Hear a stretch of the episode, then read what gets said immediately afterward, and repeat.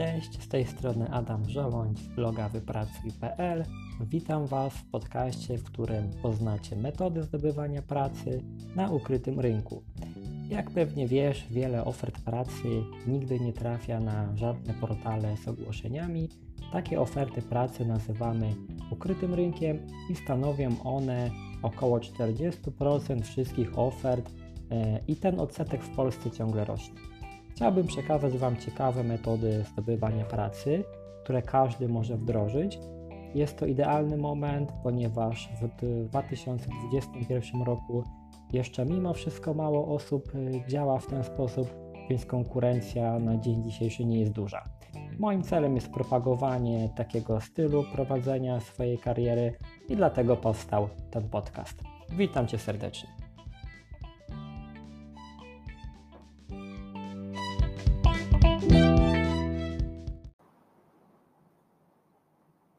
Ostatnio zebrałem listę takich najczęstszych błędów, na które napotykają różne osoby przy zmianie pracy. No i jednym z takich problemów jest lęk przed zmianą. Mimo to, że aktualnie gdzieś tam nie czujemy się dobrze w firmie, w której jesteśmy, albo na przykład nie jesteśmy odpowiednio wynagradzani względem mm, rynku. Najczęściej taki strach e, pojawia się wtedy, kiedy już przeglądamy różne oferty i wtedy zadajemy sobie pytanie, czy na pewno gdzie indziej nie będzie gorzej. I możemy sobie tak pomyśleć, że może przesadzamy, bo wszędzie jest tak samo i lepiej zostać tam, gdzie się jest, bo ta praca jest w miarę pewna. Mimo tych niedogodności jakoś sobie tam poradzimy. A jak się zmieni, no to nie wiadomo, czy nas stamtąd nie wyrzucą po miesiącu, bo na przykład zmieni się otoczenie rynkowe, zmieni się szef, przyjdzie jakiś nowy czarny łabędź i, i będzie tam po nas. Ja proponuję, żeby przyjąć w swoim y, życiu takie założenie, żeby zawsze wykonywać pracę, która będzie przychodem, a nie kosztem. Dzięki temu staniemy się odporni na to, co się dzieje na zewnątrz, no i będziemy mieli więcej panowania nad naszym życiem zawodowym niż w przypadku, kiedy pracujemy na stanowiskach kosztowych. Zawsze jak jest tylko mowa o jakichś cięciach, to pierwsze co, to ucina się budżety dla działów, które są kosztem, a nie przychodem. Jakie to mogą być działy? To będzie na przykład obsługa klienta, produkcja, gdzie można być zastąpionym jakimś robotem, automatyzacją itd., tak ale też sprzedaż, tylko taka bez, bezpośrednia sprzedaż gdzieś jeden na jeden, gdzieś z kimś spotykamy, na przykład w jakimś tam sklepie.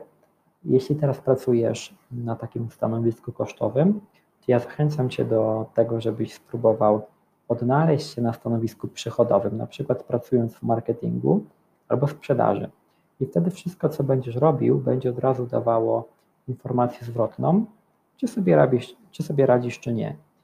Bo jeśli jesteś marketerem i dostarczasz taką ilość lidów, że dział sprzedaży nie wyrabia, no to wtedy możesz spać spokojnie przyjęcie takiej roli przychodowej będzie na przyszłość najlepszym wyborem, bo to po pierwsze daje Ci realny wpływ na Twoje wynagrodzenie, na przykład jeśli masz jakiś procent od sprzedaży, ale też daje Ci taką podkładkę psychiczną, że nie jesteś kosztem w firmie.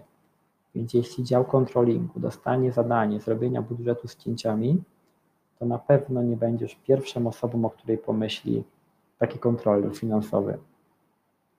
Jeśli do tego połączysz jeszcze umiejętność poruszania się po ukrytym rynku, na przykład dzieląc się w tym e, w taki sposób, że ty będziesz prowadził bloga, vloga, Instagrama o metodach, które wykorzystujesz w swojej pracy i tym, jak to działa, że ci to dobrze idzie i coraz lepiej, coraz lepiej performujesz, to będziesz wiódł życie, w którym nie będziesz miał zmartwień o swoją przyszłość zawodową.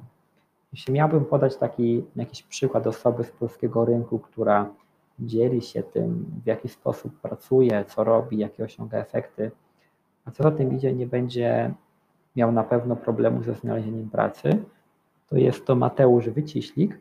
Mateusz prowadzi podcast Growth Hacking po polsku i y, Mateusz właśnie jest takim growth hackerem. To jest stanowisko związane z marketingiem i szybkim wzrostem i co jakiś czas dzieli się on tym, co u niego działa.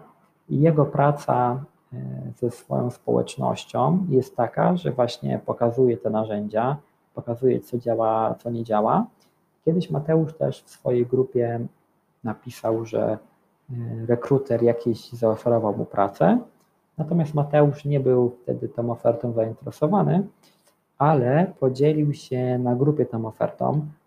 Przede wszystkim najpierw zapytał rekrutera, czy w ogóle może to zrobić, e, a później właśnie podzielił się tą ofertą pracy ze względu na to, że przecież prowadzi grupę, w której takich osób może być dużo, które byłyby tą ofertą pracy zainteresowane. To tyle na dzisiaj. Jak pewnie e, zauważyliście, odcinki mojego podcastu są bardzo krótkie. Jest to taki format, który akurat mi najbardziej odpowiada, ale jestem w sumie ciekawy, czy dla Was też jest to ok, czy może wolelibyście bardziej szczegółowe odcinki, gdzie punkt po punkcie miałbym coś analizować, a może sami mierzycie się w jakimś, jakimś problemem przy szukaniu pracy na ukrytym rynku i mógłbym o tym nagrać odcinek odpowiadając na Wasze pytania. Dajcie mi koniecznie znać.